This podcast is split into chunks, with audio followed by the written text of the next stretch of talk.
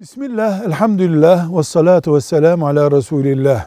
Yurt dışında yaşayan kardeşlerimizden birisi diyor ki, burada din kaynaklı bayramlar oluyor. O bayramlardan önce Hristiyanlara ait bayramlardan önce mağazalarda mesela kıyafetler çok ucuz satılıyor. Biz de gidip o kıyafetlerden ucuzluktan istifade etmek için satın alsak günaha girmiş olur muyuz? Cevabımız şudur. Satın aldığınız şey dinle ilgili bir şeyse bunu ne zaman satın alırsanız alın günaha girersiniz. Hayır dinle ilgili değil. Normal bir gömlek.